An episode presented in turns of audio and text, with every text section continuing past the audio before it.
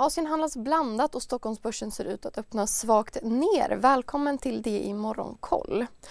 Hongkongbörsen som var stängd igår stiger idag 2% efter gårdagens beslut från Kina om att karantänkraven vid inresor upphör. Teknikjätten Alibaba finns bland vinnarna och avancerar 1,5 i Fastlandskina har börserna däremot vänt ner från gårdagens uppgångar. Shanghai och Shenzhen handlas ner en halv respektive 1 procent. Tokyobörsen tappar en halv procent.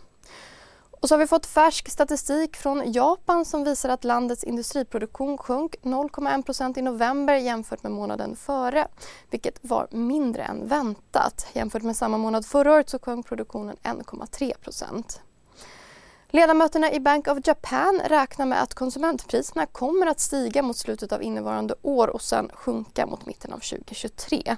Det här enligt ett snabbprotokoll som har publicerats nu under morgonen. Så går vi vidare till USA där de ledande börserna stängde blandat igår. S&P 500 var ner en halv procent, Nasdaq ner nära en och en halv procent. Bland vinnarna fanns kasinoaktier med verksamhet i Kina tillsammans med USA-noterade kinesiska bolag som steg efter Kinas besked om restriktionslättnader. Samtidigt så är räntorna upp på oro för att Kinas återöppning ska... Vi är specialister på det vi gör, precis som du. Därför försäkrar vi på Swedea bara småföretag, som ditt. För oss är små företag alltid större än stora och vår företagsförsäkring anpassar sig helt efter firmans förutsättningar. Gå in på swedea.se företag och jämför själv. leda till inflation. Den amerikanska tioåringen står nu i 3,84 procent. Tesla föll drygt 11% igår i spåren av att bolaget avser att minska produktionstakten i sin Shanghai-fabrik under januari nästa år.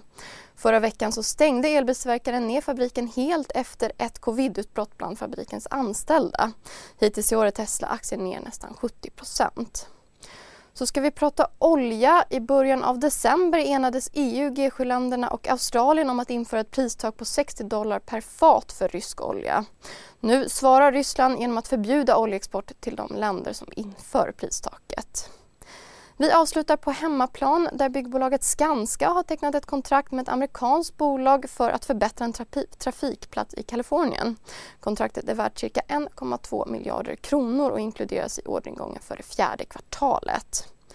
Så har vi precis fått in statistik från SCB över hushållsutlåningen i november. Ökningstakten har minskat från 4,5% i oktober till 4,1% vilket är den lägsta ökningen sedan 2013. Det här var allt för den här nyhetsuppdateringen. Fler nyheter hittar du såklart på di.se. Vi är tillbaka när Stockholmsbörsen har öppnat. På återseende.